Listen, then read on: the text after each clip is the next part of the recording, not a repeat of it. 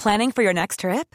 Elevate your travel style with Quince. Quince has all the jet setting essentials you'll want for your next getaway, like European linen, premium luggage options, buttery soft Italian leather bags, and so much more. And is all priced at 50 to 80% less than similar brands. Plus, Quince only works with factories that use safe and ethical manufacturing practices. Pack your bags with high-quality essentials you'll be wearing for vacations to come with Quince. Go to quince.com slash pack for free shipping and 365-day returns. Hiring for your small business? If you're not looking for professionals on LinkedIn, you're looking in the wrong place. That's like looking for your car keys in a fish tank. LinkedIn helps you hire professionals you can't find anywhere else, even those who aren't actively searching for a new job but might be open to the perfect role. In a given month, over 70% of LinkedIn users don't even visit other leading job sites. So start looking in the right place. With LinkedIn, you can hire professionals like a professional. Post your free job on linkedin.com slash people today.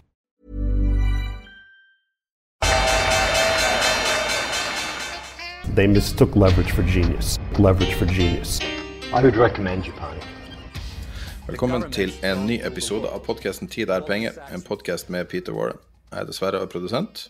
Trykker ikke lenger på record og play samtidig, nå er det bare record. Vi bruker et nytt system og prøver å oppgradere litt uh, både måten vi jobber på, og også kvaliteten, forhåpentligvis. Så det her er første steg i den retninga, håper jeg. Så gi gjerne feedback, og hvis det er dårlig, så uh, ja, trenger vi ikke høre det. Nei, nei, ikke feedback.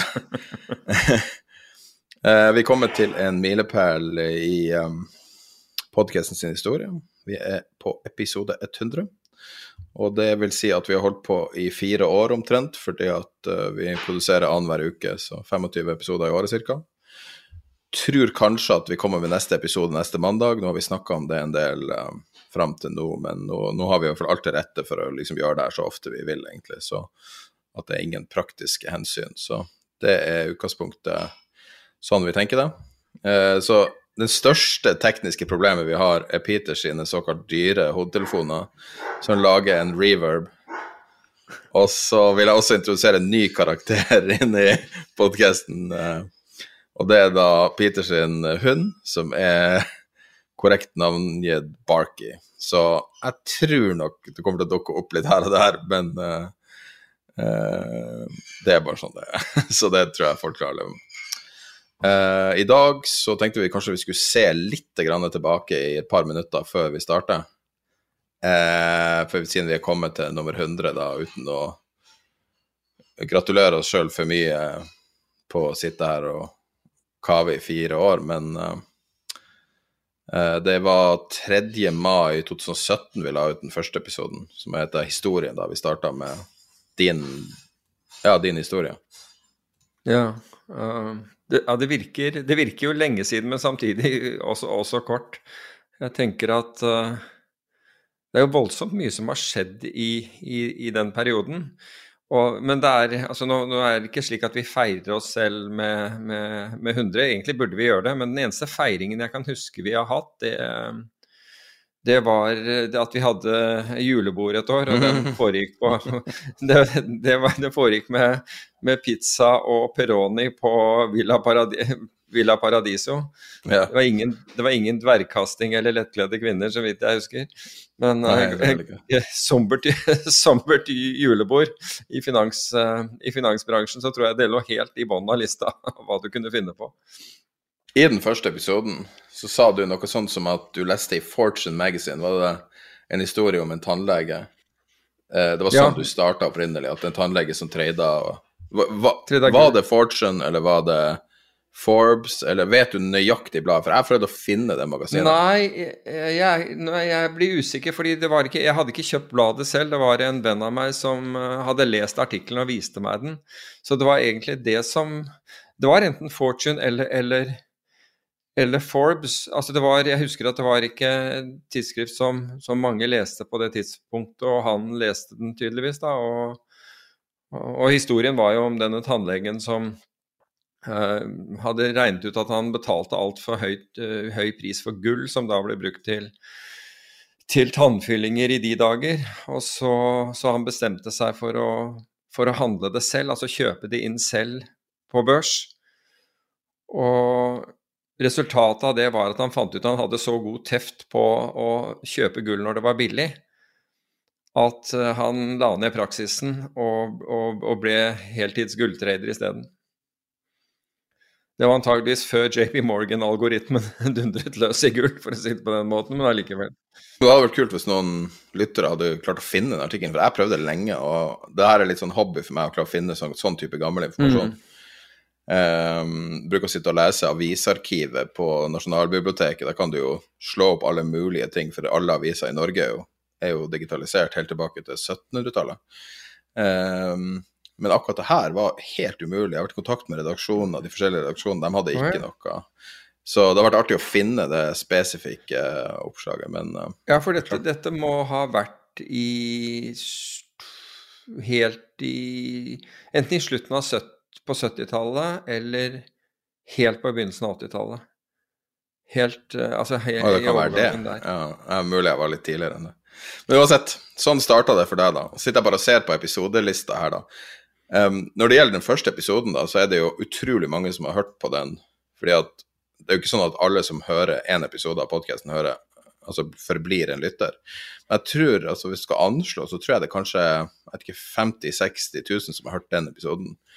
Uh, nå er det ikke like mange som abonnerer, det er absolutt ikke det. Men um, mm.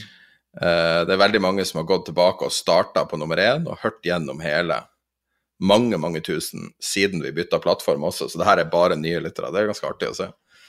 Jeg har gjort ja, det sjøl når jeg, jeg hører på podkaster, så Ok, ja, jeg, jeg, kan også gjøre det, men jeg, jeg blir alltid ydmyk og, og, for så vidt også glad når noen gjør det, fordi jeg har sett uh, det enten på, på, Discord eller på Facebook-gruppen at noen sier at nå har jeg, nå har jeg hørt uh, 63, uh, 63 episoder on my way to 100, ikke sant? eller som det nå blir.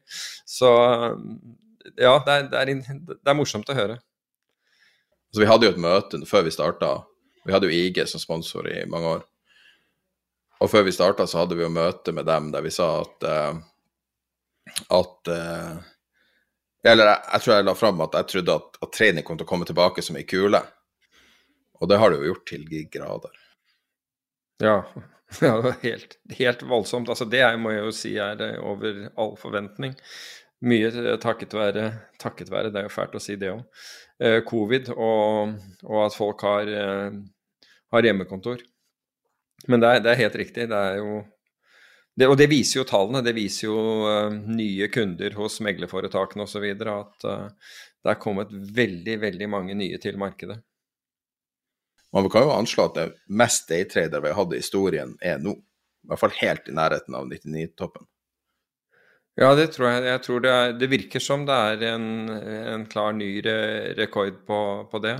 Men samtidig så, så, er det jo interessant å se hvor mange ting som har skjedd i løpet av den tiden. Altså, og mye er jo endringer som skjer. Noen er midlertidige, andre er permanente. Men det viser jo også at markedet er i konstant forandring. Altså, hvis jeg skal gå tilbake i min karriere, så er det jo veldig mye som har gått altså fra veldig, veldig manuelt til hvor du ikke kunne stole på skjermene, egentlig, fordi skjermene var stort sett indikative.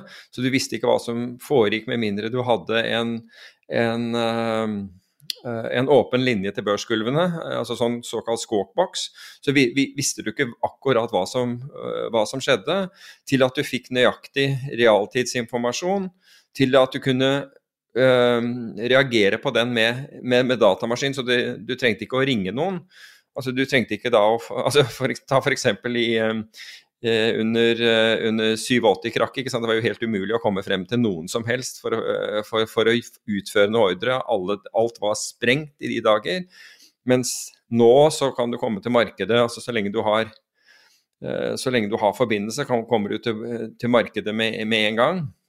Det er for øvrig interessant, altså, og det har jeg egentlig ment å si ved, ved flere anledninger. fordi vi oppfatter jo egentlig, eller veldig mange oppfatter at markedet er altså, dag til dag akkurat det samme, og, og man forventer ikke store endringer.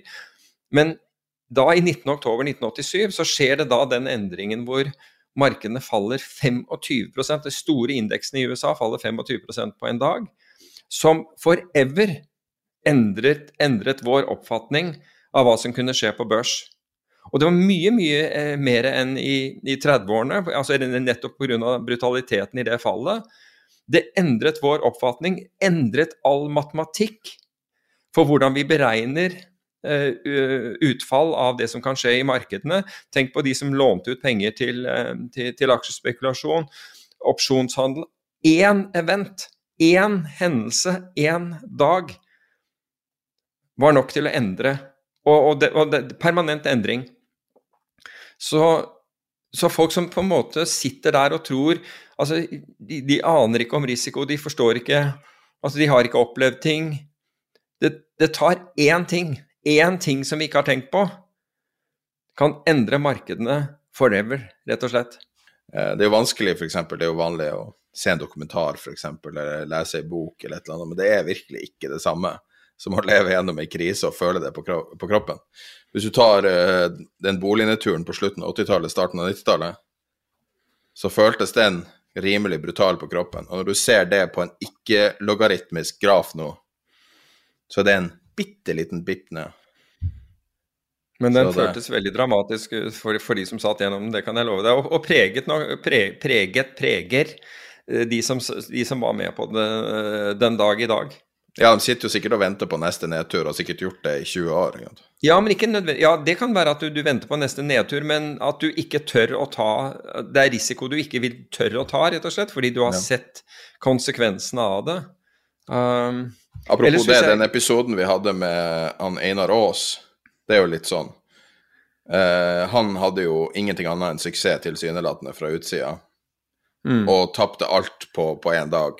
Hus og hytte og jeg tror han har fått noe av det tilbake, men tapte alt. Ja, så Det er jo en av de, um, de episodene som på en måte er, jeg syns er mest uh, Ikke bemerkelsesverdig, men uh, notable. Uh, og rett og slett fordi det at vi laget en episode om bare det, for å forklare nøyaktig hva som skjedde, og de forskjellige aktørene og, og, innvirkningen, og, innvirkning og virkningen av det, gjorde jo at vi havnet på forsiden av New York, eh, New York Times i en artikkel. Mange mange måneder senere, det var jo godt over et år senere, uh, hvor det skjedde. Men vi så jo på en måte ikke den komme. Vi så at her skjedde det noe. Veldig få forsto hva som hadde skjedd. Så vi lager en episode som forklarer egentlig som, hvordan dette henger sammen. Og på basis av den så er det da en journalist i, i New York Times flere måneder senere som begynner å se på det og undersøke og finner ut at jøss, det der ble godt forklart, kan du ta det her? Så det er jo litt altså, Du var kilde, var du ikke det? Jo. På grunn av podkasten? Ja, det er litt artig. Ja, nettopp. Så jeg syns jo at det, at, at det, er artig i, i seg selv. Ja. Så ikke den komme, på en måte, at man, man ville havne der. Her er en bra tittel. 'En landmine i et bad av nitroglyserin'. Hva var det for noe? Jeg er ikke sikker. Det var noe du sa. ja. Uh, er det noen av de her titlene som er ganske Altså, jeg driver og tuller mye med å prøve å ha mest mulig crazy titler og fått litt klager. Det var en jeg tror det var en radiojournalist som klagde på at vi ikke hadde beskrivende titler og veldig lange sånne eh, veldig lange sånne indekser over alt innhold i podkasten. Nå blir det jo kommet, for at det vi får, vi bytter plattform nå også. Så, da får vi, så det er mulig at denne episoden er den første som bruker den plattformen. Om det blir i dag, det vet jeg ikke, men denne episoden vil være det første. Og da får vi transkribering. Eh, I første omgang veldig basic, men etter hvert eh, veldig fullstendig. Og da kan vi også indeksere, altså da kan du gjøre søk tilbake i episoder. og og vi kan referere tilbake, liksom langt tilbake i tid på et eller annet, f.eks. på den dagen der du annonserer at du har gjort en betydelig investering i, i krypto i 2018, og, og sånn type ting. Altså vi kan referere tilbake til, til enkeltting som er blitt snakka om, ting man har fått rett og galt om, og sånne mm. ting. Det er litt artig. Ja, det er, jo, det er, jo, ikke sjelden at noen spør om noe som jeg vet at vi har dekket i en episode, og så prøver jeg å spørre deg om hvilke, husker du hvilken episode det er, og så er det ingen av oss som på en måte klarer å, å, å resonnere oss frem til eh, hvilken det er. Og så ender det med at vi tar på en måte temaet en gang til. Uh, det er ikke det at det, nødvendigvis er noe galt med det, men noen, noen ting er på en måte evergreen, uh, kan man si. Men, men det vil gjøre det enklere, jeg er helt enig. Det er, det er, mye som har skjedd i det er, det er, mange flere ting enn vi, vi, uh, enn, enn vi, vi kommer på, det er jeg helt sikker på. Uh, som har skjedd. F.eks. gullmarkedet. Det er ikke det at det er veldig mange som er opptatt av det, men det har jo på en måte permanent endret seg, i hvert fall så langt. Etter at, etter at, JP Morgan fikk den, den, boten på nesten en milliard dollar, så har det endret seg. Den måten gullmarkedet fungerer på i det daglige, har, blitt, har endret seg.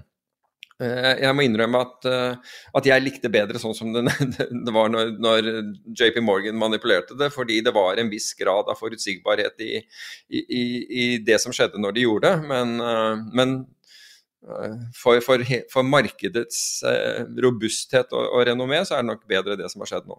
Selv om, selv om gull ikke har vært en, en, en, bra investering i år. Ikke i år, men altså hvis du ser tilbake fra 2003 f.eks. Ja da. Så så er det jo opp med 300% og selvfølgelig det Det har jo pika litt nå, og folk har jo mista veldig truen på det, men det er jo sånn ja, det er jo ned nesten 9% i år, men, men det, det, er ikke det at Jeg vil jo si at folk har ikke mistet troen. Tvert imot var det det at det var for mange som plutselig fikk troen. Og ja, det, det, mener jeg. Og hvis du så under covid, og rett etter covid, da, da begynte aksjemeglere og aksjeanalytikere å anbefale norske å anbefale gull. Det har vi jo aldri sett før aldri sett før. Altså det, det, du kan si at det vil antageligvis være tegnet på at, at, eh, krypto snur også. Det er når, når, når, aksjemeglere i Norge begynner å anbefale krypto, og si at, skal, at, at de er engasjert i det. For, og det, er, det, vil være et dårlig tegn for meg. Men fordi de har på en måte full fokus egentlig på, kun på på egen inntjening som, som, rimelig kan være. og Derfor så er det de tingene de promoterer, det er de tingene de tjener penger på. Så ting som gull klarer de ikke å Er ikke emisjoner i gull, for å si på den måten, så er jo ikke det som bringes frem.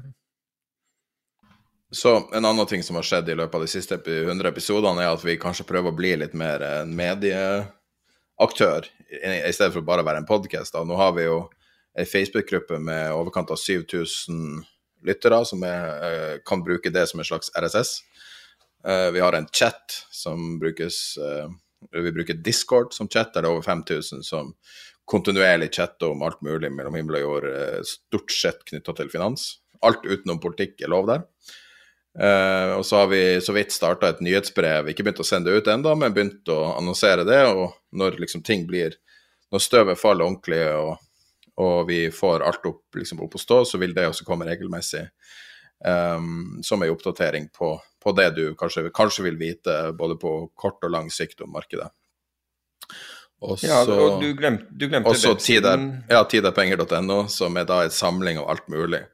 Der vi har jobber med et oppslagsverk som skal være komplett oppslagsverk for alt du trenger å vite om finans. Vi skal lage et oppslagsverk over alle finansaktørene, det er ikke ferdig. Uh, der vil det også være en blogg som nå er relativt aktiv, som ikke daglig, men ikke så langt unna, om det som ja, det er viktig. Ting du kanskje ikke leser i Finansavisen. Nei, og apropos den bloggen, altså det er all kred eh, til deg for det. Du var jo den første som da Du skrev Var det på fredag, eller var det på lørdag du skrev? Nei, fredag var det vel? Om Archegos Altså, jeg begynte å dekke det på fredagen, for jeg satt og fulgte med men da via Facebook-gruppa. Jeg satt og fulgte bare med markedet, og så trodde jeg noe galt med terminalen. For det var så frenetisk blinking. Og så trodde jeg de endra innstilling eller et eller annet. Og det som mm. jeg så da, var et enormt altså etterspillet av et enormt blokksalg som var gjort i en rekke aktører.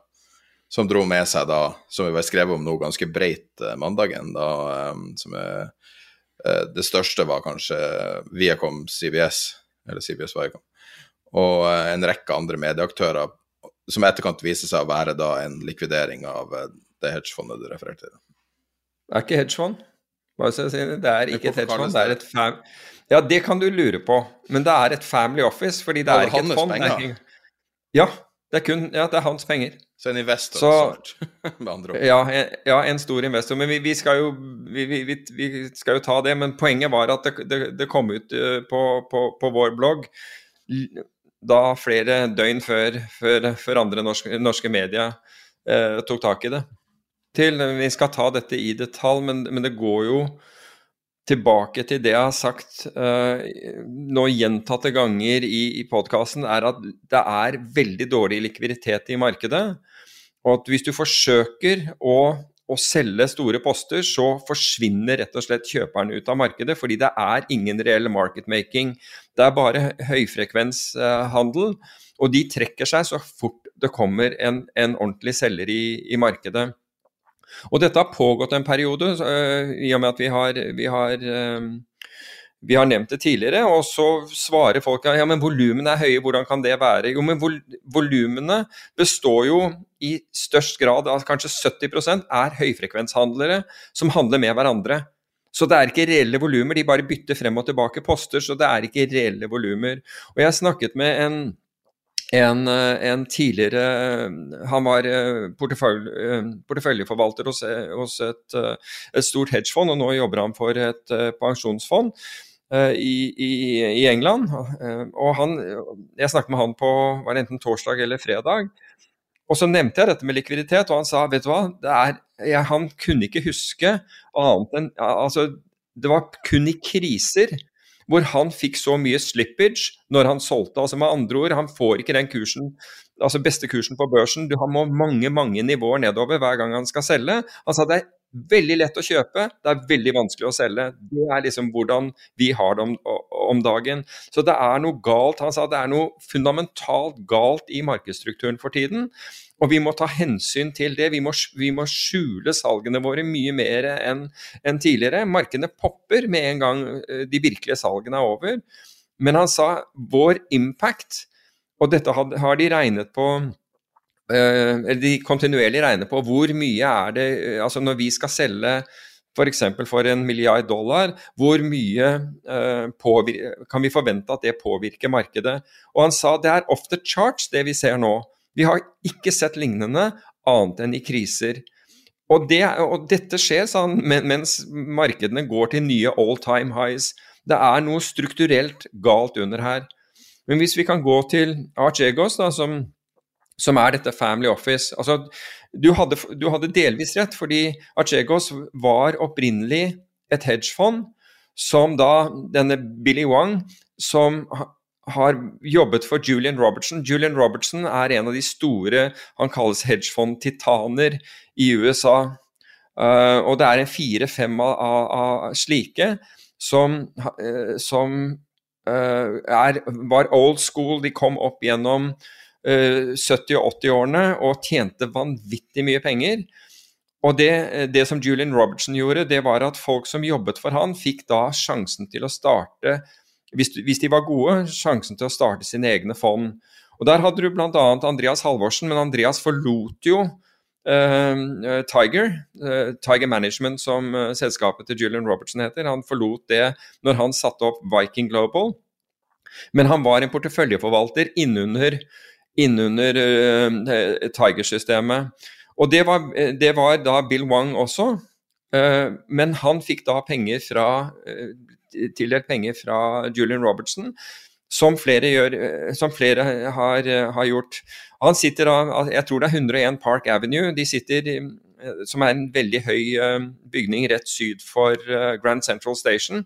Så du går gjennom Grand Central Station hvis du kommer ned Park Avenue, gjennom den, og så er det et av de første byggene etterpå. Uh, og de sitter i øv, de har de, enten de to eller de tre øverste etasjene. der, så er så fantastisk ut, utsikt uh, uh, derfra. Og du, du, kommer ut av heisen og resepsjonen, og du har jo bare utsikten hvor du, hvor, du, ser Veranzano Narrows-broen, og det, det, er helt det er, det er, skikkelig flott der oppe. Egen, eget,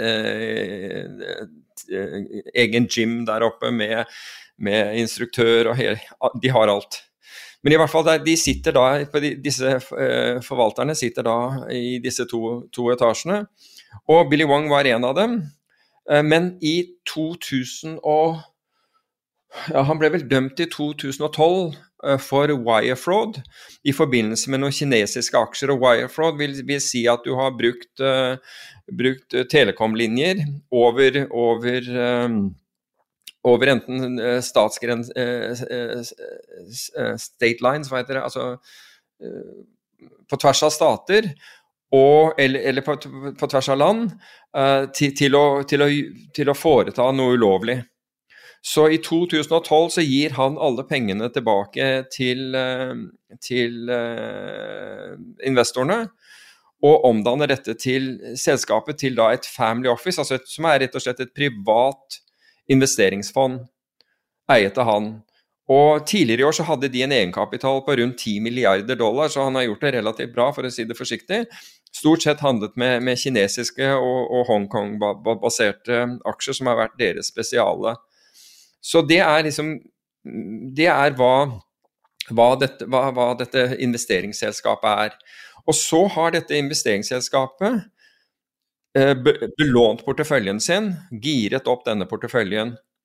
Eh, og det vi vet nå, det er jo at belåning til aksjer, det er absolutt på rekordnivå. Det har, liksom, det har steget i, i, i takt med, med, med, markedsutviklingen. Og Billy Wong har da brukt Goldman Sachs, altså han har, har hatt det vi kaller primærmeglere. Skal jeg forklare hva det er? En primærmegler er da en megler som gir deg adgang til f.eks. Eh, OTC-markeder, altså hvis du skal handle, uh, ta, handle swapper og, og, og, den type ting, så, så gir, altså som da ikke handles på en børs, så må du gå gjennom en primærmegler. Og en primærmegler ta f.eks. hvis du skal handle i valuta, og du vil ha mange motparter, da vil du typisk ha en primærmegler. Og ved at du har en primærmegler, så, så, så kan du da få Vi hadde f.eks. Gjennom de årene jeg har holdt på, så hadde vi vel Goldman Sachs, Morgan Stanley, Bear Stearns, uh, Barclays og SEB som primærmeglere. Og det som skjer da, er at f.eks. Et, et av fondene de, hvor ja, vi hadde SEB som primærmegler, så betyr det at da kan de sette opp avtaler på, på våre vegne, f.eks. med UBS, med Goldman, med Bank of America osv. Slik at Bank of America, når vi handler mot Bank of America, så handler de da egentlig mot SEB. Slik at du, får, at du, du, du slipper å måtte kredittvurderes hos alle disse bankene. Du kredittvurderes av SEB, og så gis det linjer slik at du kan handle med alle der ute. Den andre tingen som primærmeglere gjør, er jo at de skaffer deg aksjer hvis du trenger å gå short, altså låne aksjer, men de skaffer deg også belåning. Så primærmegleren sitter da og følger med på posisjonene dine og beregner hvor mye sikkerhet du må ha til enhver tid for posisjonene dine. Men det tilfellet da med Archegos er at de har, de har tro det eller ei, fem primærmeglere for, for et, et, privat investeringsselskap. De har Goldman, de har Morgan Stanley, de har japanske Nomura, de har Credit Suisse og de har UBS som primærmeglere. Altså, Vi hadde på det meste to primærmeglere for et fond, og det var bare i tilfelle noe skulle gå gærent med en av dem. Altså, Vi, vi, vi, vi merket jo liksom presset når, da Limen gikk over ende og, og, Morgan Stanley, som var primærmegler, en av primærmeglerne våre, holdt på å gå over ende også. Da, det, da, følte, da følte du ubehaget, for å si det mildt. Men de har da disse primærmeglerne, og de har da lånt så mye at i dag morges så gikk Nomura, altså japanske Nomura, og Credit Suisse ut med profit warning pga. tap som følge av denne ene investoren.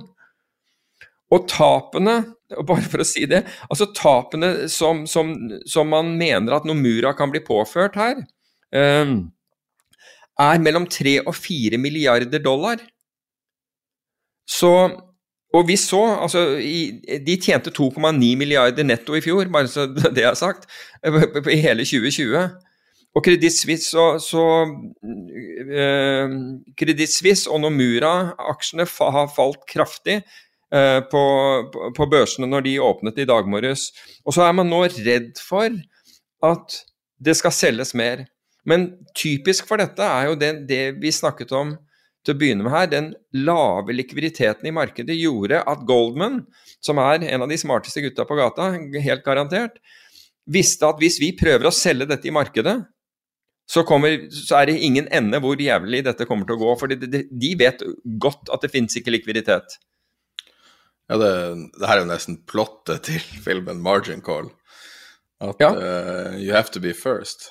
Og spørsmålet er jo da I Margin Call så var det starten på finanskrisa. Uh, det var jo litt sånn uh, fiktiv versjon av det, men um, spørsmålet er da én enkeltinvestor med ett family office som klarte å få seg eksponering på 30 milliarder dollar i markedet gjennom oppsparte midler og, og giring. Har sannsynligvis enda mer.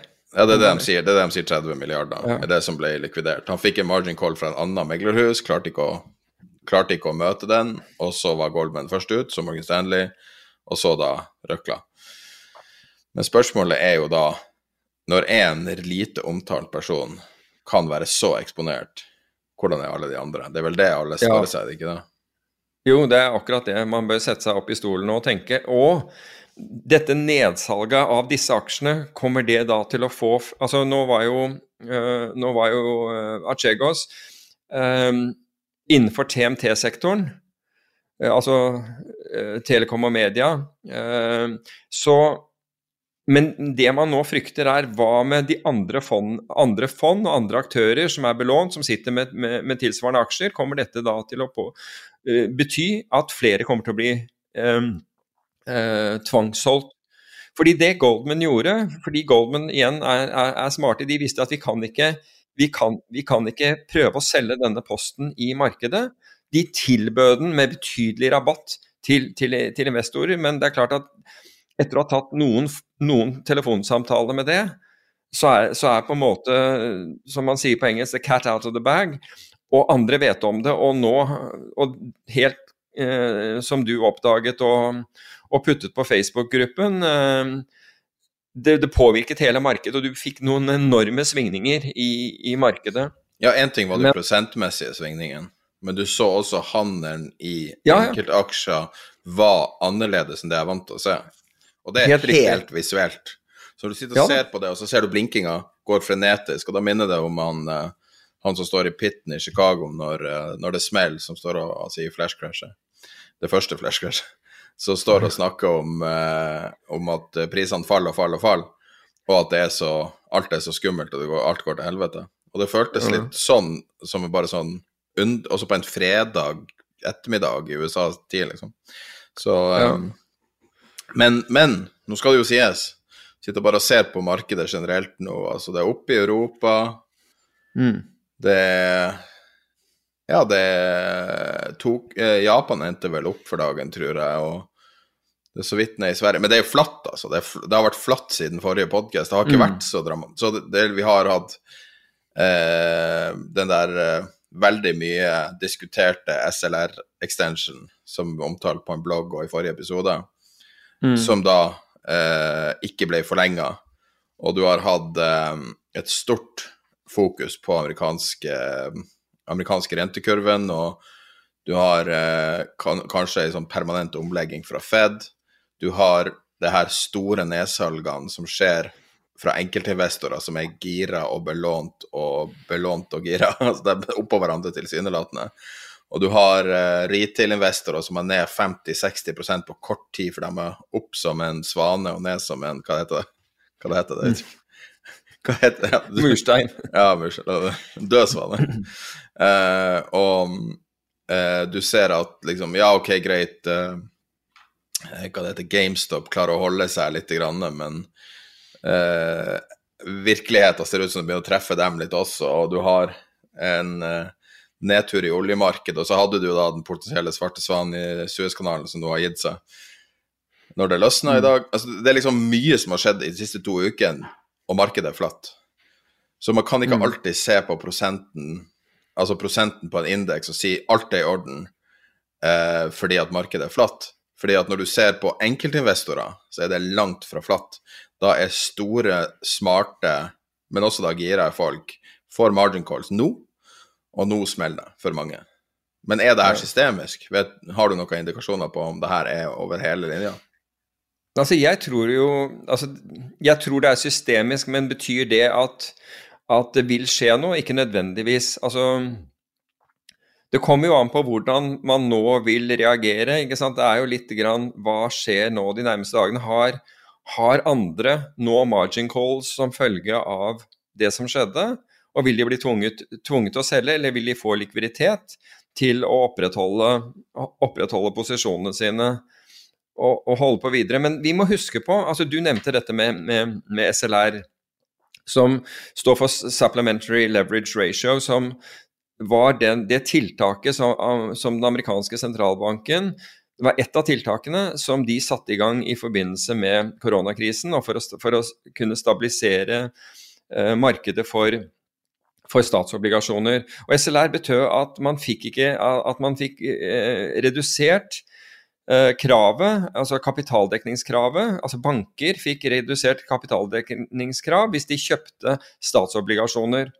Og jeg mente jo eh, ved vår siste vår, vår siste podkast at det var en no-brainer at de ville forlenge denne SLR-en. Det gjorde de ikke. Og etterpå, så, og det sjokkerte meg umiddelbart, men når jeg ser det i en større sammenheng, så føler jeg egentlig at, at Federal Reserve har vært ganske geniale i dette tilfellet. For, altså, bare for å ta hvorfor skulle det påvirke markedet, av, av dette tiltaket? Vel, det, har, det, vi har sett i USA, er en ganske kraftig renteoppgang. Eh, obli på obligasjonsrentene, med andre ord det vi kaller de lange rentene, fra 7 år, 10 år, 30 år osv., det har gått dramatisk opp. Og det har påvirket da bl.a. vekstaksjer negativt. Vi skal ikke gå gjennom eh, det resonnementet. Men derfor Altså, man ønsker ikke en rente ut av, si, ut, av, ut av, kontroll ved at den bare fortsetter og fortsetter å gå, fordi på et eller annet tidspunkt så vil dette virkelig begynne å slå inn på profittmarginer og lånekostnader. Så, men, så jeg var veldig overrasket når da Federal Reserve sier at de ikke skulle forlenge det. Men så, og, og jeg, jeg, måtte ordentlig sette meg ned og tenke hvorfor i all verden gjør de ikke dette? dette? It makes no sense. Fordi du kunne da tenke deg at statsobligasjoner falt kraftig som følge av mindre kjøping av statsobligasjoner. Med, med, den følge at renten stiger videre, altså de lange rentene stiger videre. Men så endelig, endelig så gikk lyset på. Det tok, det tok noen dager, og det er jo pinlig i seg selv. Men lyset gikk på fordi jeg kom på hang on, vi er jo ved slutten av kvartalet. Og ved slutten av kvartalet så rebalanserer man alle porteføljer som har en eller annen form for det vi kaller balanserte porteføljer, porteføljer som da inneholder aksjer og obligasjoner, vil da bli rebalansert. Og så så jeg på hvor stor andel vil dette utgjøre, fordi rebalanseringen siden obligasjoner har falt og aksjer har steget, så vil rebalanseringen bestå av å selge aksjer og kjøpe nettopp statsobligasjoner. Så så jeg på hvor stor andel dette utgjør, og bare for oljefondet så er det noe sånt som 70 milliarder dollar i rebalansering som skal gjøres. Så totalt sett så regner man at det er ca. 250 milliarder dollar i, re, i, eh, i rebalansering som, som, som, skal gjøres. Og så tenkte jeg ok, der har man jo løst mye av problemet til Eh, til eh, sentralbanken ved at det nå finnes kjøpere av obligasjoner, helt naturlige kjøpere av obligasjoner. Men hva så med aksjemarkedet, hvis 250 milliarder dollar skal ut av aksjemarkedet? Og jeg så noen skrive om at det, det ville utgjøre noe sånn som 5-7 nedgang for aksjemarkedet. Men ta den enda videre. Hva skjer samtidig? Jo, Bidens eh, Vi sender deg en sjekk. Eh, Eh, blir nå distribuert, altså den som er på 1,9 milliarder dollar. Kalkulasjonene går på at ca. 170 milliarder dollar av de vil bli brukt i aksjemarkedet. Og hvis 170 milliarder dollar brukes i aksjemarkedet, da er det nettoen bare 80 milliarder dollar på denne rebalanseringen, altså som man på en måte ikke har man ikke har kjøpere for. Og det er en helt annen sum enn 250 milliarder, altså for, å si det, for, for å si det mildt. Det er en tredjedel ikke sant, av det, eller rett i underkant.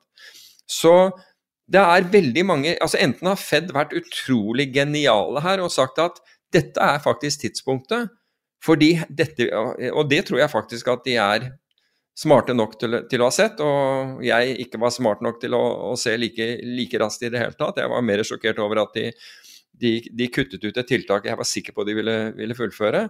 Men jeg tror det er det logiske resonnementet for hvorfor ting er som, er, er som, de er. Ja, og det her er jo en, en løpende situasjon som der man for det første vet jo ikke hva de ser på, det er jo det første. Så de ser jo hele bildet, inkludert politisk press. Eh, det samme gjelder jo de her blokksalgene, er jo også en sånn løpende altså, Mens vi snakker nå, så kommer det fram at det er ikke bare, det er ikke bare aksjesalg, det er også enorme eh, syntetiske derivater eh, mm. som er knytta til det her. Og, og, det er det at det er så vanskelig La oss si at du følger 13F-filingen, som er det Jeg vet ikke om eh, Hvordan uttaler det? Archegos? Archegos, ja. Eh, om, om, det er um, Om de må file 13F som Family Office, kanskje. Jeg vet ikke om de er regulert som et hedgefond. Men la oss si at de jo, er det. Det, tro, det tror jeg de må, fordi um, pga. størrelsen. Ja, men, men, ja, men pga. størrelsen så, må, så, er jeg temmelig sikker på at de må file en 13F. Ja, det må de. Ja, og hvis du da tenker deg 13F som er et så ufullstendig bilde av hva hedgefond gjør, som er de, de kvartalsmessige filingene for hva, hva, de har gjort i kvartalet, kjøpt og solgt aksjer.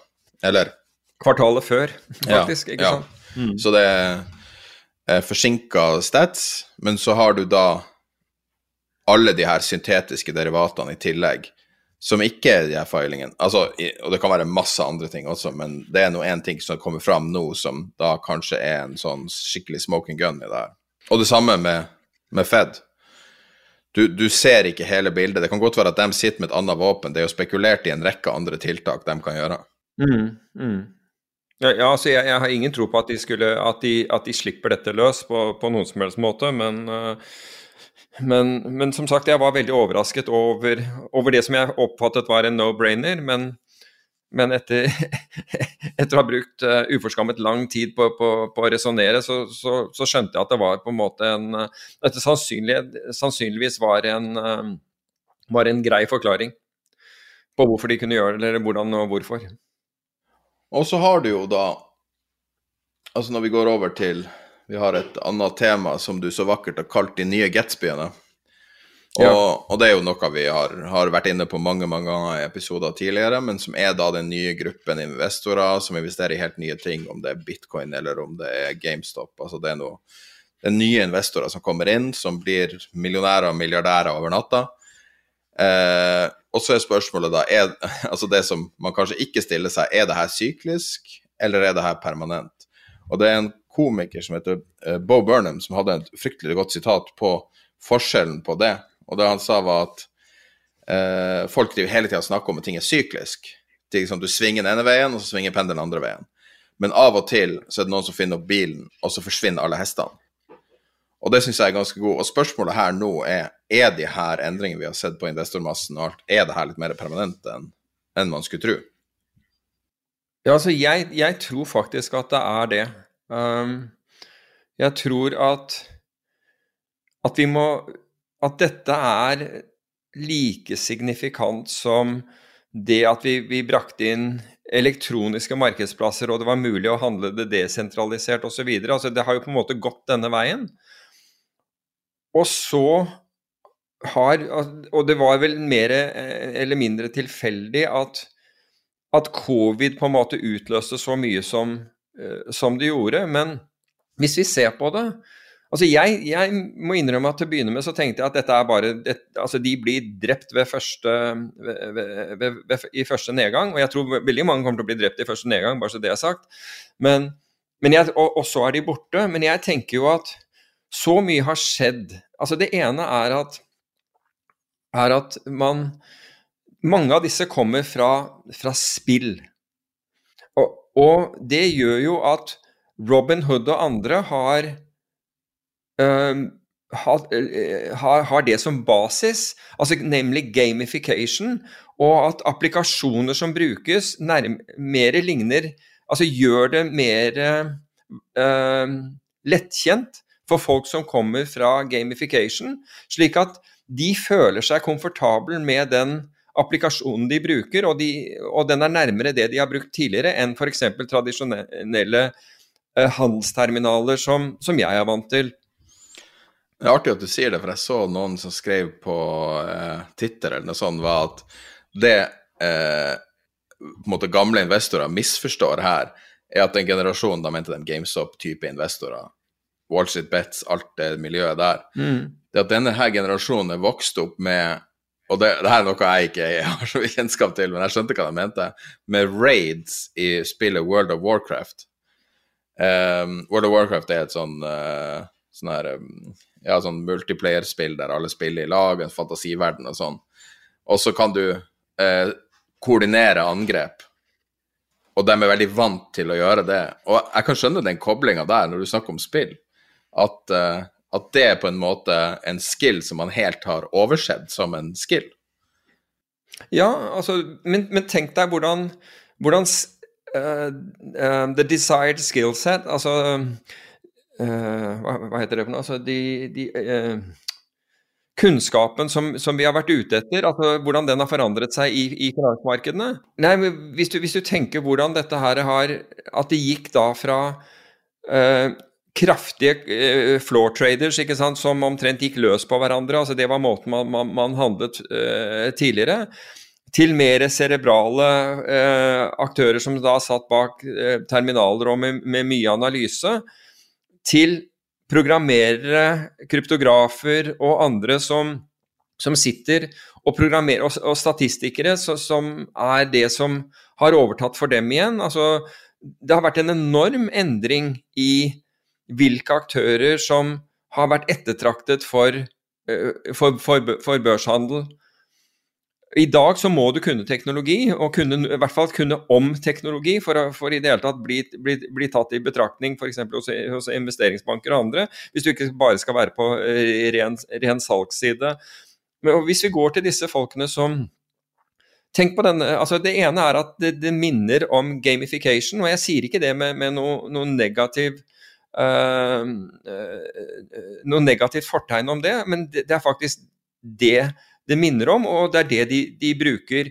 Istedenfor å bruke uh, investeringsbanker og meglerhusenes analyser som det er vanskelig for, for, dem å få tak i, med mindre de er store i, um, i, i, markedet, så bruker man sosiale medier. Så plutselig er sosiale medier blitt, blitt viktigere og viktigere til å kommunisere på. Du snakker om strategier de bruker, helt riktig. Og jeg tror at hvis du Eh, hvis du avfeier disse her, så, så, gjør du deg selv en stor bjørnetjeneste. Og det var vel antageligvis det Melvin Capital gjorde da de var short GameStop og, man, og denne aksjen ble kjørt, og tenker at jeg knuser disse her, jeg bare shorter mer. Og så har man egentlig ikke gjort en grundig nok analyse av, av hvem fienden er. Litt på samme måte som Bank of England totalt undervurderte George Soros og gikk ut og sa ja. hør her, vi har 10 milliarder, og han bare ja, jeg har 11, eller hva det var. Ja, ikke sant. Ja, 15, tror jeg han sa. Men uh, ja, ja, jo, men nettopp. Altså, jeg tror jo at Så du kan si at de, de, de smarte innen finans nå, de tar dette på alvor. Det er ingen tvil om at de tar, det, tar dette på alvor. Og du kan si at nå følger man med på på, på Wall Street Bets, Reddit og, de, og, disse andre stedene hvor disse, hvor disse, kommuniserer. Og skriver programmer som da plukker opp eh, fordi det, det er de som sitter og følger med, eh, med jeg, visuelt og manuelt. Men de virkelig smarte gutta i, i gaten, de har nå De, de skraper disse, disse mediene og har laget algoritmer for for, for, for, aktivitet på disse sosiale mediene når det gjelder tikkerkoder eller markeder eller, eller, hva som helst. Og det som nå skjer, det er jo Altså, her gjøres et analysearbeid. Det er ikke sånn at bare fordi en eller annen roper uh, buy eller selg på, uh, på, på, Reddit, så, så, så, så, skjer det noe der ute. Men de, de, kobler da det sammen med andre faktorer som når har aksjer, når var det GameStop uh, uh, tok av. Hva var det som skjedde bak og, og, og, rundt dette? Og Her kan du bruke ting som maskinlæring og AI og den type ting til å, til å prøve å finne ut hva er det som foregår her. Og så har du da algoritmer, så du kan si at ved å bruke disse sosiale mediene kan jeg love deg én ting. De kommer ikke først til altså, og, det, og, og, dette er ikke ment nedsettende om, om denne eh, generasjonen eller gruppen av tradere. De kommer ikke først til matfatet lenger. For med en gang de begynner å snakke om dette her, så oppfattes dette, og de blir frontrønnet av, av maskiner. Helt garantert. For disse maskinene gjør ikke noe annet enn å og, og avlese korrelasjoner på hvis det er x antall som gjør det og sier sånn og sånn, da har vi, da har vi sett at da får de x antall x i annen eller x i hva for noe antall følgere som også er med, og så ser man på, på effekten av dette her. Så det, det blir the greatest frontrunning scheme ever. Eh, det finnes en dokumentarserie som er nylig starta på HBO Nordic, som eh, er den første jeg har sett som tar QAnon-bevegelsen på alvor uten å tro på det. Så det er en Jeg tror det heter Into the Storm eller noe sånt.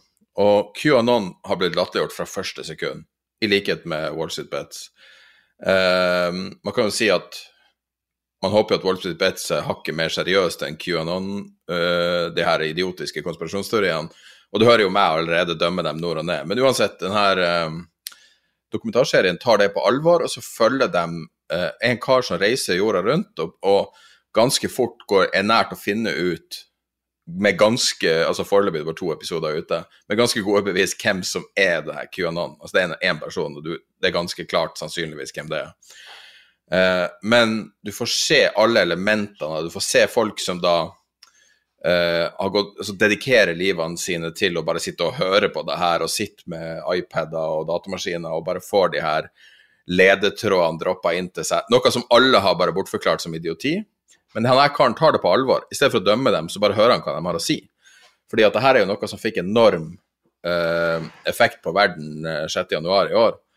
Og uh, på, altså, i praksis uh, hadde stor innflytelse på Trumps sin, sin gjennomføringsevne som politiker. Så det er jo noe man må ta på alvor. Og, og i den dokumentaren da, så viser de også de her folkene som da gjør analyse av Altså dem som lever av å være på en måte og, fange den fallende frukten og alt mulig. Og jeg tror at eh, som, hvis du har lyst til å analysere det her, så kan du gjøre det ganske enkelt. Du kan, du kan eh, analysere den fallende frukten via f.eks. det nye da er, som Dagens Næringsliv bl.a. har skrevet om, at folk sitter og streamer og snakker dag ut og dag inn om de her aksjene som er populære, av det som plukkes opp alt sånn. Sånn at selv om at de her såkalt smarteste og raskeste og dem som frontrunner og alt, at dem har så mye kapasitet, så tror jeg det fortsatt det er litt endring i at du, at du har muligheten til å gjøre Til å ha en edge som privatinvestor i det her miljøet. Nå sier jeg ikke at det som skjedde i GameStop kan skje igjen, men jeg sier bare at, at den edgen er fortsatt mulig å ha som person. Det er ikke en sånn ensbetydende med at disse rikeste er de smarteste og de første og alt sånn.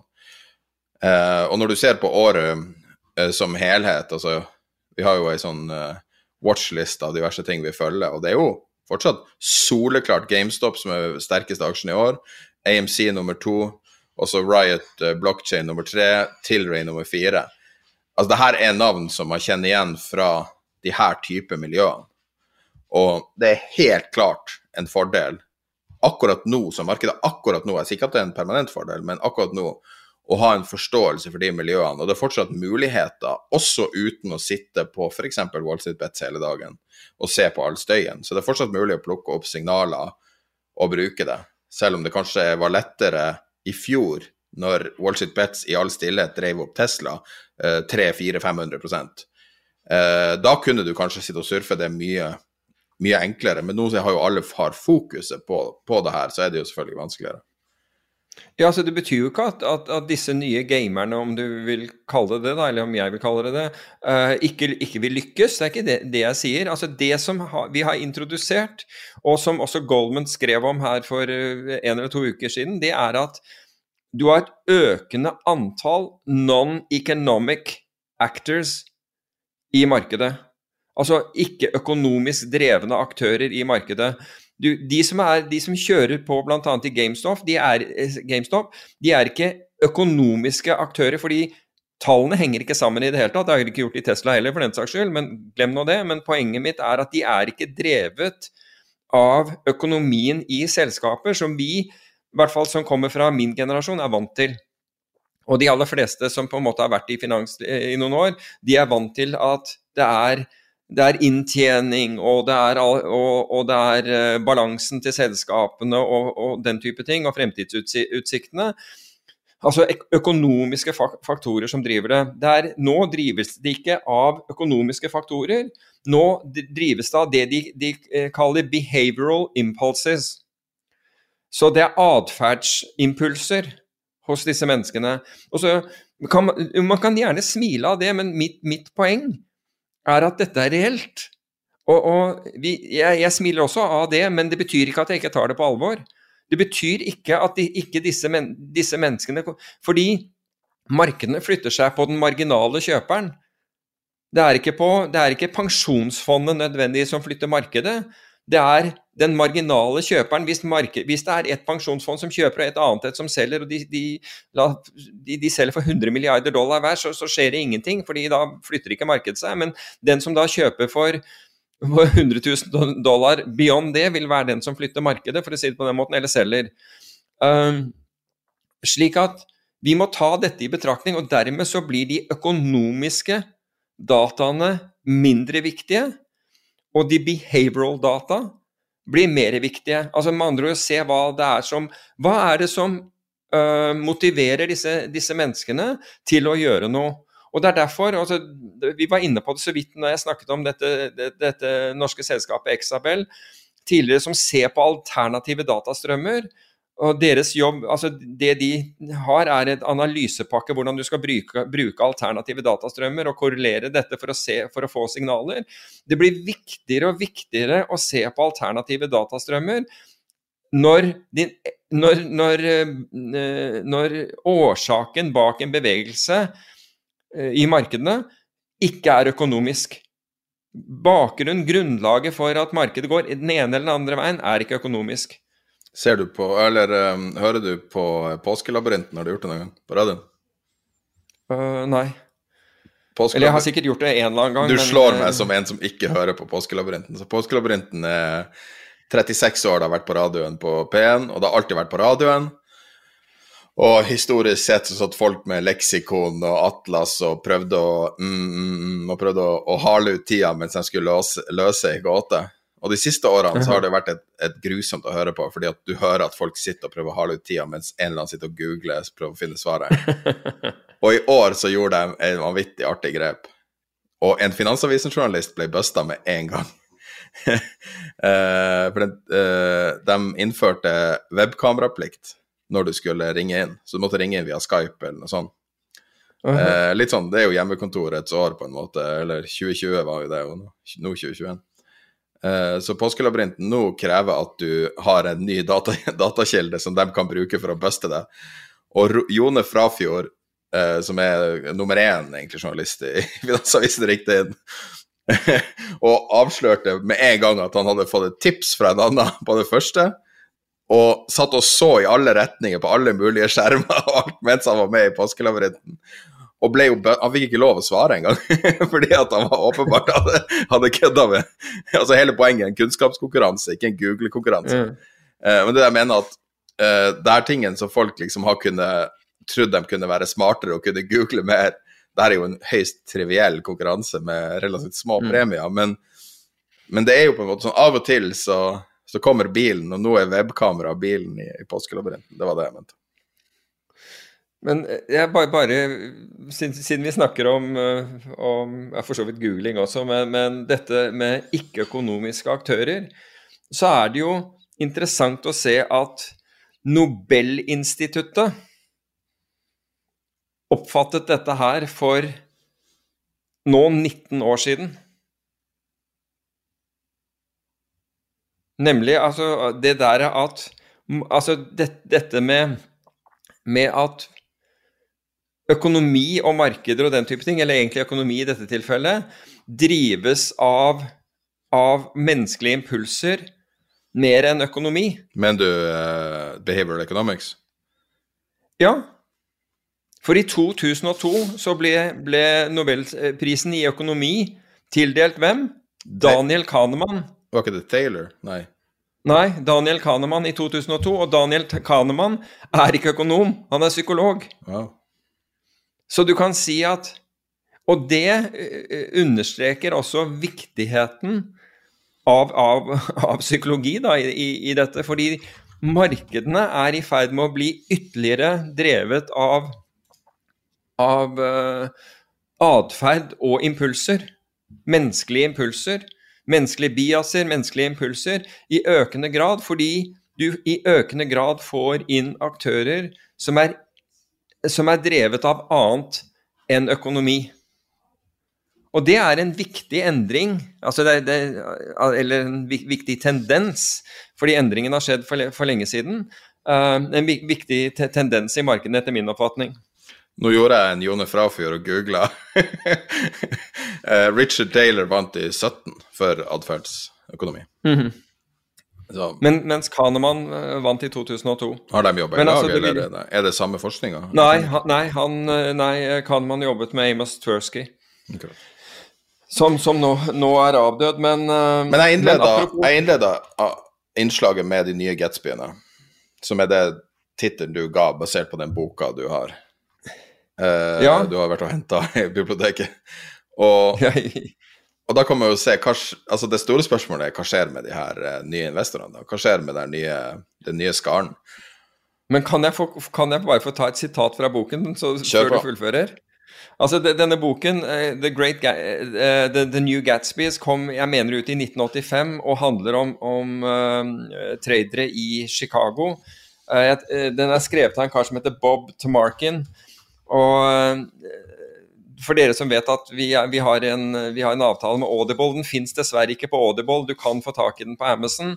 men Det er, er hardcover-boken. Men den, den, er full av one-liners jeg kjøpte den antageligvis i 85, men, eh, og, og, fant den for, forleden i, eh, i, eget, eh, i, min egen bokhylle. Men den er full av, av virkelig bra one-liners og masse bra, bra, historier. Så jeg anbefaler den på, på, på, det varmeste, selv om vi ikke har noe avtale om dette. bare så det er sagt.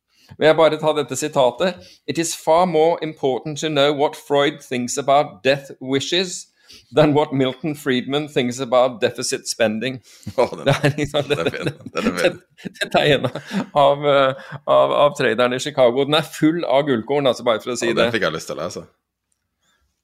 Ja, den er bra. Den er, du kan låne den av meg hvis du, hvis du, vil. Nei, vi, kan, eh, vi legger den, for vi har på hjemmesida tiderpenger.no, eh, som skal bli den nye, det nye sånn, eh, medieimperiumet i Norge.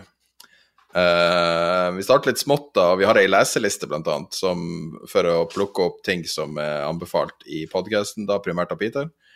Og den ligger inn på tiderpenger.no, så går det i menyen, så står det 'leseliste', og der er alt linka opp. Vi legger den der inn uh, umiddelbart etter opptak, sånn at den er, den er linka, og du kan kjøpe den der. Og i tillegg så nevnte Peter at vi har en avtale med Audible. Og I den forbindelse så det er også en link øverst på den leselistesida til uh, hvordan du signer opp til Audible. Får ei gratis bok. Uh, og um, med den boka så, så, hjelper du også å støtte podkasten litt. Så det hadde vi satt pris på hvis du går inn i linken. Det er link i beskrivelsen av podkasten. På blogginnlegget i forbindelse med podkasten. Det ligger inn på Facebook-sida, og det ligger inn på tiderpenger.no skråstrek leselisten. Eh, men eh, skal vi eh, da gå videre til hva som skjedde med, med den, den, fiktive Gatsby? Ja. Jay Gatsby, som han het. Ble skutt og døde i bassenget sitt. Ja. Og da er spørsmålet Er det her skjebnen til Ja, sånn jeg vet, jeg vet, ikke om han Shamat, han, han, han som er grunnleggeren av moderne spekkene om han er liksom virkelig den, den virkelig nye Gatsbyen. Hvem er det som er det, i dine øyne? Nei, jeg, jeg, vet ikke hvem altså, det, er, det, er, klart at når du leser noen av disse, disse Wall Street Bet-folkene som plutselig har Som handler for titalls millioner av dollar og har klart å, å, å få seg formuer Dessverre så er jo ikke det representativt for, for alle, tror jeg. Uh, på, på, ingen måte. Men uh, men vi må se at hvem som er de nye. Jeg er ikke sikker. de, altså SPAC er altfor enkel måte å kan, Nei, de, de, de som virkelig drar på for tiden, det, det er jo det, å, å, bli kjemperike på det som skjer nå i øyeblikket, det er jo lokkeduene. ikke sant? Det er jo de som De, får, de er veldig flinke til å, å få masse ut av dette. Jo, men de er, de er jo det. Ja, men de er jo også de gamle Gatsbyene.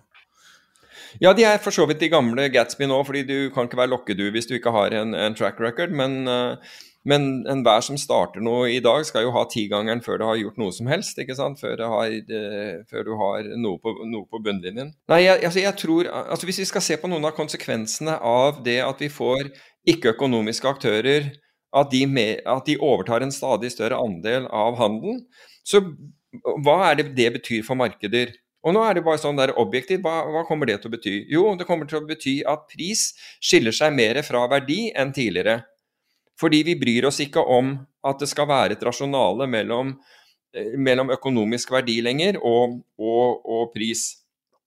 Vi, vi, kommer til å ha øh, vansker med å forklare ting. Fordi du kan ikke forklare de ting med, med de økonomiske variablene. Så det, det, betyr at stort sett at man finner på noe. Det er jo det, er jo det medie, mediene gjør når ikke noe ikke noe nyheter finnes, så bare kommer man opp med en eller annen idé.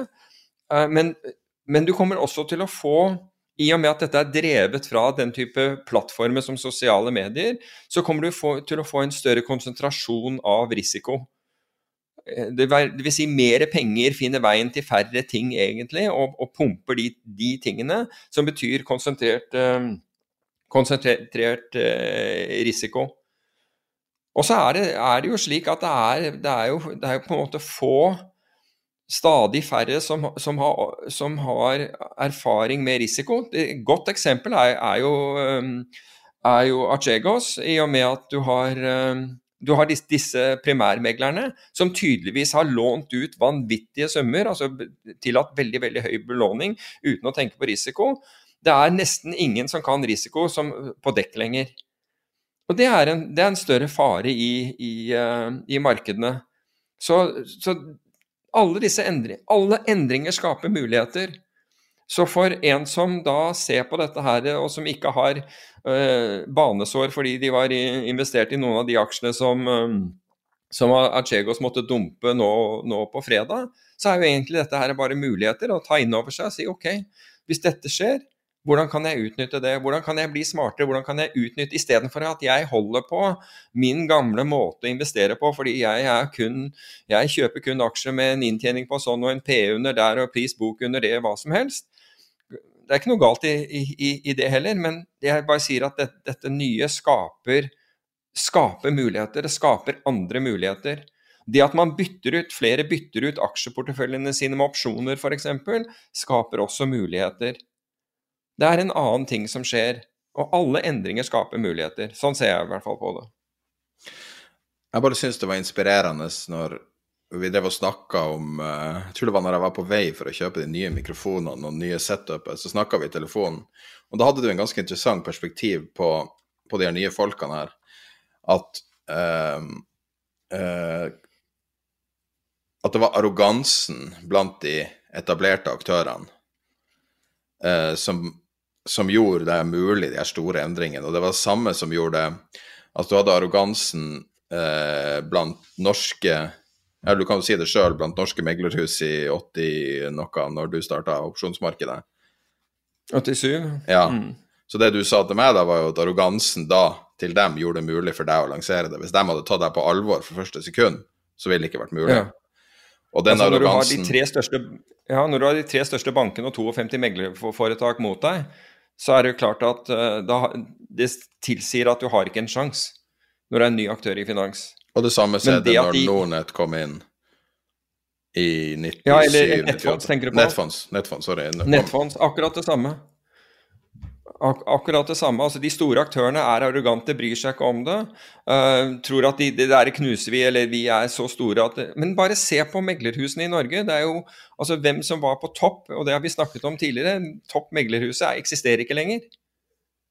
Ikke sant? Topp meglerhuset på 80- og 90-tallet eksisterer ikke i dag lenger. ikke sant? Og det er fordi man ikke ønsket å endre seg. Fondsfinans. Men Fondsfinans ja. eksisterer bare ikke meglerhuset. Nettopp. Ja, nei, det er interessant. Men jeg syns bare det var altså, interessant var nå, fordi at største. vi har jo den samme arrogansen nå. Men vi har ikke nødvendigvis en Robin Hood i Norge. Nei, men, nei, vi har ikke en Robin Hood i Norge, men det kunne, jo, det kunne jo plutselig få, for den saks skyld. Altså, Jeg er helt sikker på at veldig mange Husk på, diskursen i finans i Norge drives av hva meglerhusene tjener på. Det er ikke slik at den drives av internasjonal finans. Med mindre en av de norske meglerhusene plukker opp dette fra internasjonal finans og tenker at dette her skal vi drive med i Norge. Da kommer det inn. Men ellers så drives det da med hva meglerhusene Det er hele tiden det som kjøres rundt. Du, du investerer ikke i noe som ikke altså Det er det som er diskursen, og det er greit. Det er på en måte måten de verner om sitt eget. De verner om f.eks.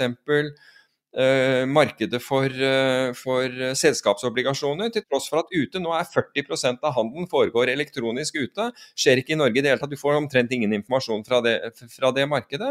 Fordi meglerne vil ikke at du skal få den informasjonen. Så, og, og, det er en form for arroganse, og før eller siden så, så, så, brytes den. Men den arrogansen gjør det mulig å, å, å få til forandringer. Og det er, det er, det er spennende i, i, i, seg selv, fordi altså, innovasjon kommer uansett. Vi kan, vi, kan, vi, vi kan, prøve å sakke den, og det, det ble jo gjort med bl.a. Uh, uh, at børsen gikk over til data. Man forsøkte å, å, å, å Det var Erik Jarve som pushet det der igjennom. Mange av meglerhusene var vært svært negative til det. Var, helt, var selvfølgelig negative til at, det, at, børsen ble desentralisert, fordi da ringte ikke Da, da kunne jo Eh, kunde, de utenlandske kundene handle direkte på, på, på, på terminaler fra utlandet, istedenfor at de var tvunget til å ringe de norske meglerhusene.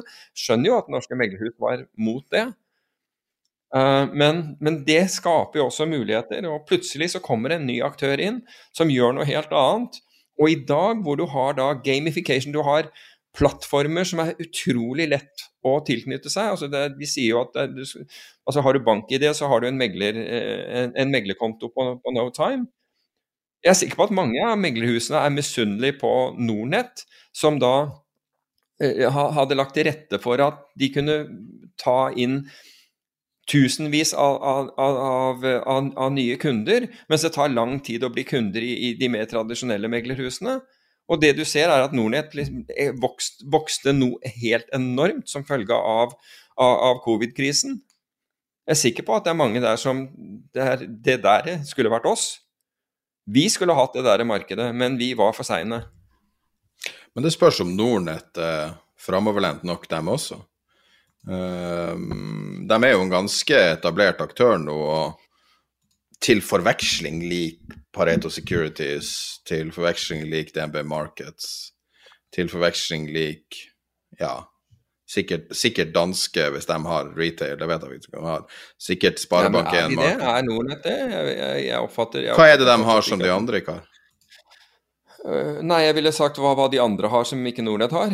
Uh, blant annet altså, mye bredere analyser og, og grundigere analyse og den type ting. Corporate oppdrag. Det er mange ting som jeg tror føler de andre men nå kan jeg ta feil, altså, jeg har, jeg har ikke sett hva Nornett har, har drevet med i, i, det siste. Så det kan godt hende at Nornett har noe av dette. og I tilfelle så, så, så, beklager jeg det. Jeg lover å rette opp det. Men um, må rette opp en annen feil med, på, i denne, denne podkasten òg. Men um, Ja, har du en annen feil?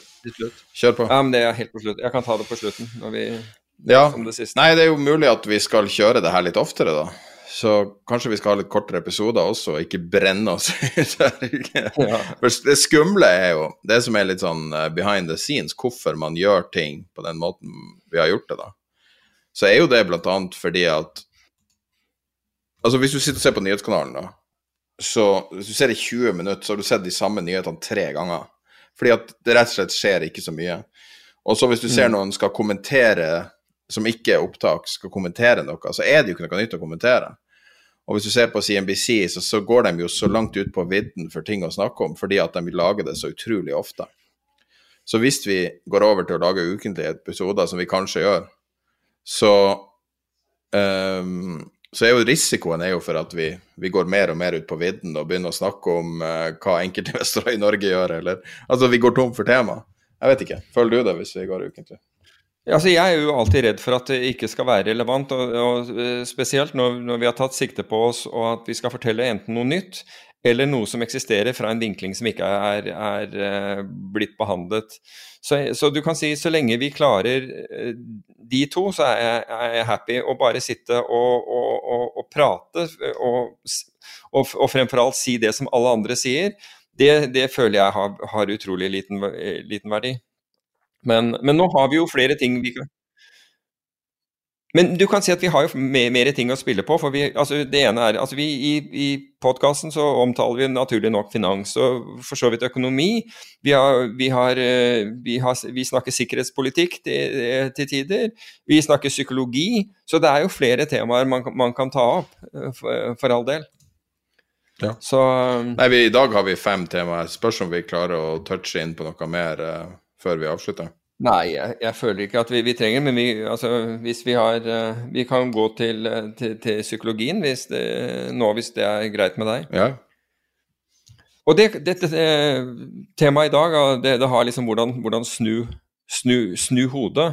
Og det har flere har spurt om. Har, jeg vet at vi har snakket om det tidligere, men som Sverre sa, sa, litt tidligere i denne sendingen, så har vi det ikke indeksert, så jeg klarer ikke å, å nødvendigvis vise folk hvor det er, men dette er jo på en måte et tema som, som dukker opp. Altså hvordan snur du hodet ditt? Altså, hvor, og det har vi av og til behov for, for enten er det fullt av, av, et eller annet og vi skal gjøre noe, eller så har vi opplevd noe som vi må, vi må på en måte klare å få, få lagt dødt bak oss, ikke dødt nødvendigvis, men i hvert fall bak oss, fordi vi skal være optimale i de beslutningsprosessene vi skal gjøre. og Nå tenker jeg i forhold til hvis du sitter og handler i markedet eller skal gjøre investeringsbeslutninger eller andre viktige beslutninger.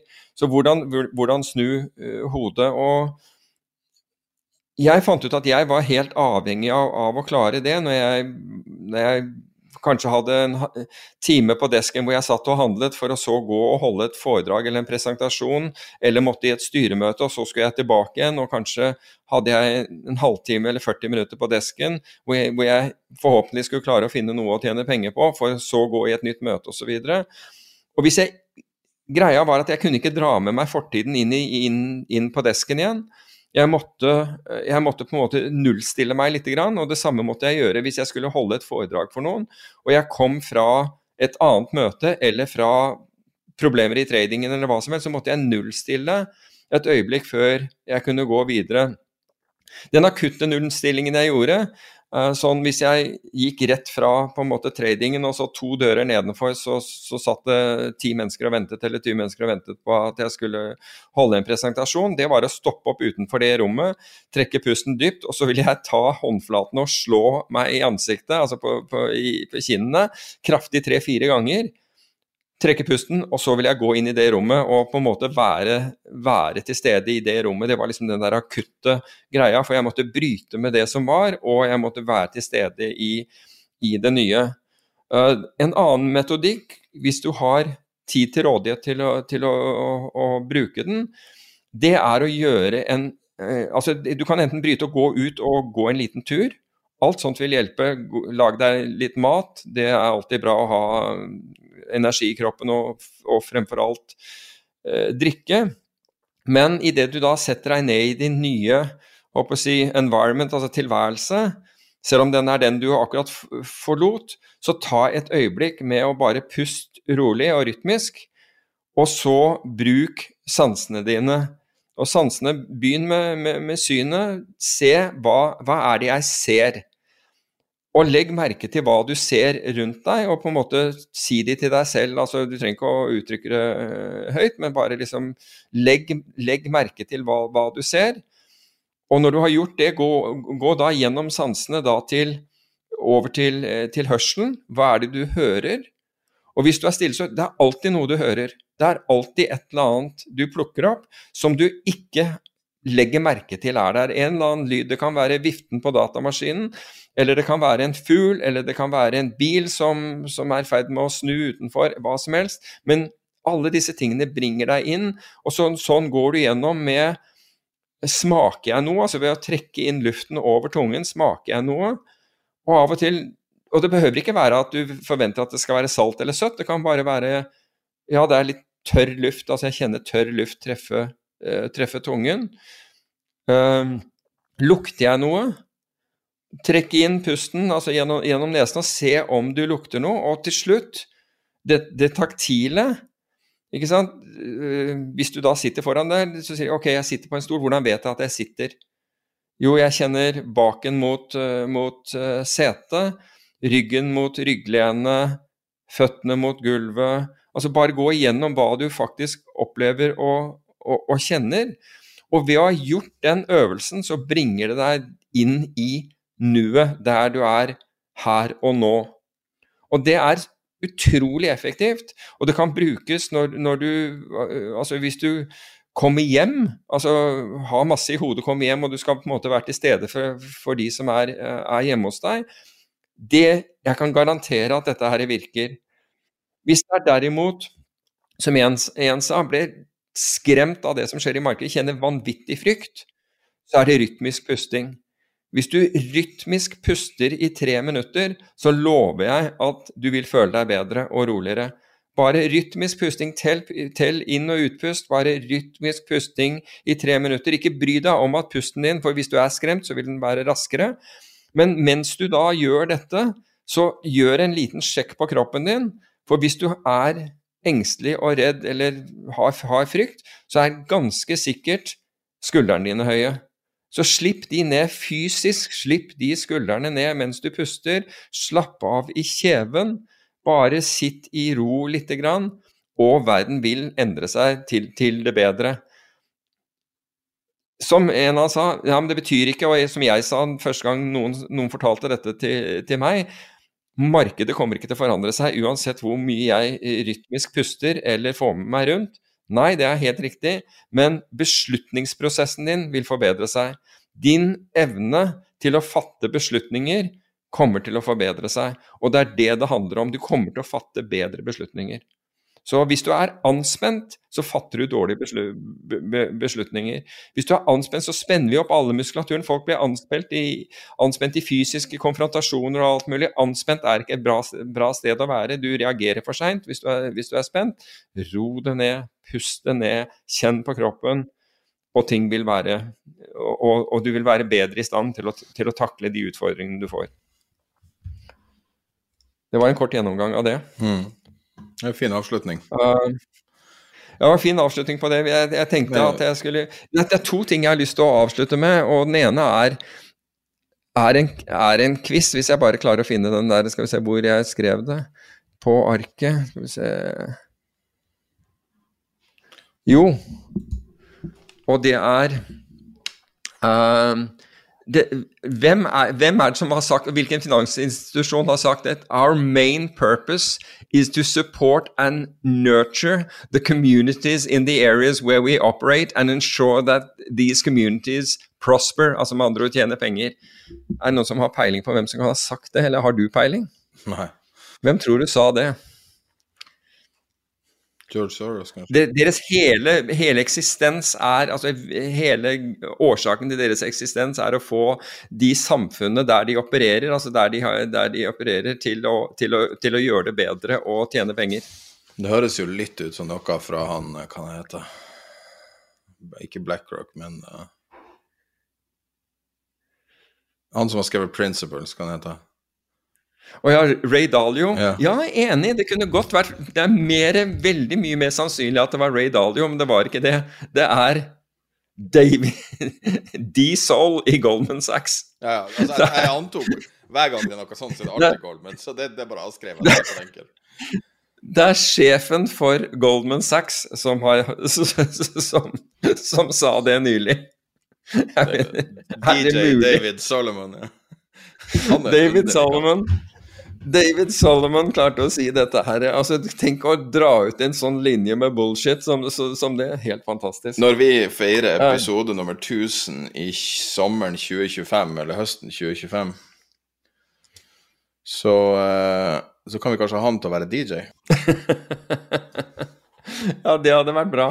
Du, men jeg skal, jeg skal, avslutte denne episoden med å være nå Jeg vet at jeg irriterer folk, når jeg, i hvert fall noen blir irritert når jeg snakker om, om, om veiene i, i nærområdet. Nei, det må du gjøre. Men, det, men, denne gangen skal jeg være konstruktiv. Denne gangen skal jeg være skikkelig konstruktiv. Du, det, det, her kan vi gjøre store besparelser. Jeg, jeg, lover deg det. For det første, fordi etter forrige gang så, så nevnte jeg denne her veien, og, og klarte igjen å kalle Odins, Odins gate, men det er faktisk Gimleveien som er verst av disse. her, er den som er brosteinsbelagt. Uh, men jeg, jeg, lover jeg skal være konstruktiv med, med, med, denne her, for jeg har sett på dette her. Altså Det som er fakta med, med denne veien, det er at trafikken fordi man, man laget, uh, laget ekstra, ekstra sykkelfelt i Bygdø allé, så tillater man ikke at, at, biler svinger inn i Thomas Heftes gate, de som skal til Kirkeveien og da østover og nordover i, i, Oslo. De får ikke svinge der hvor det var naturlig, så de må kjøre helt opp til Frogner kirke. Og så må du ned denne veien her. Hele veien til, til, til, til Frogner plass. Og jeg har snakket om denne veien før, men her er det konstruktive. Altså, denne veien er så dumpete og jævlig at isteden Vet du hvor mange biler er i Oslo? Røftlig? Jeg vet ikke, 200 000? Nei, det er 650 000 biler registrert i Oslo. Jeg har regna på dette her. Her er enorme besparelser. Det vi gjør, er at vi kutter ut EU-kontroll, men sørger for at, de, at alle kjører én gang hvert annet år ned Gimleveien. For hvis du kommer gjennom Gimleveien Det høres ut som en sånn standup-rutine du har inne. Nei, men hør her. Hvis du klarer å kjøre hele denne Gimleveien Nei, jeg har ikke det. Hvis du klarer å kjøre hele denne veien uten at det detter deler av bilen din, da er du EU-kontrollert. Du kan slippe hele EU-kontrollen. Nei, jeg har ikke det. Jeg har ikke det, men da er du EU-kontrollert. Og så har jeg sett på, vet du hva, det, er, det koster 900 kroner, røftlig, å, å, å, gjøre en EU-kontroll, ok? Det er 585 millioner kroner spart hvis vi kjører ned den der veien og sier at hvis du klarer å komme gjennom den uten at det detter en del av bilen din, så er du EU-kontrollert for to år. 585, dvs. Si 292 millioner 500 000 er spart i året på dette her. Og da kan du enten gi dette til bilistene, eller så kan du gi den til, uh, til, til, uh, til blomsterbarna i byrådet. Så de da, fordi nå hugger de ned 100 år gamle trær i Gyldenløvs gate for, for, å asfaltere en sykkelvei. Skjønner du? Men i hvert fall, nå, kan, nå, nå, slipper, vi, nå slipper vi å ha det der hullet i budsjettet deres. Jeg, altså jeg, setter jo pris på dette. Jeg sykler mye og syns det er kjempebra med, med, med, med, sykkelveier. Men nå skal de ta en av de liksom grønne, grønne alleene igjen i, i, hovedstaden. De få igjen, og, og hugge ned trærne der. Over 100 år gamle trær for å lage sykkelvei. Da lurer jeg på hva de der grønne greiene dreier seg om. Altså. Det, det, må jeg si. Men det var i hvert fall det jeg ville si. Så nå har jeg vært konstruktiv. Nå har jeg enten spart bilistene for nesten 300 millioner kroner i året, hvis du, hvis du sier at du fordeler eh, kostnaden ved EU-kontrollen din på to, eh, på, på to år.